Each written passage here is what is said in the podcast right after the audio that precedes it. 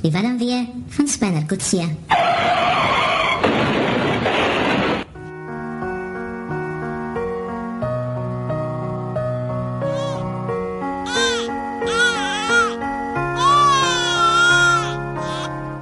Op 'n warm somersmiddag, 13 Februarie 1980, is hy gebore in Knapdaar, 'n spoorwegstasie tussen Burgersdorp en Betuli.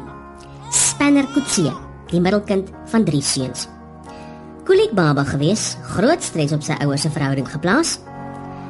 Hy was nog altyd behept met die hemelruim, slegs die sterre kon hom rustig maak as kind.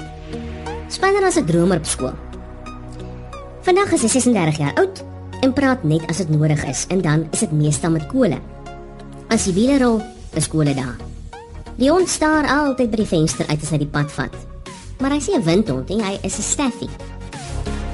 Spanner is nou nie Hollywood mooi nie, maar vroue vind hom onweerstaanbaar. Hy's gespierd, net onder die 6 voet en dra nommer 11 skoen. Spanner het donker hare, tog is hy 'n trek van stier. In sy 20's was hy kortstondig verloof. Spanner het so amper gesoog voor die druk van die samelewing, maar het 'n week voor sy troue kop uitgetrek. Ons vermoed daar is iewers 'n ontwykende beminde.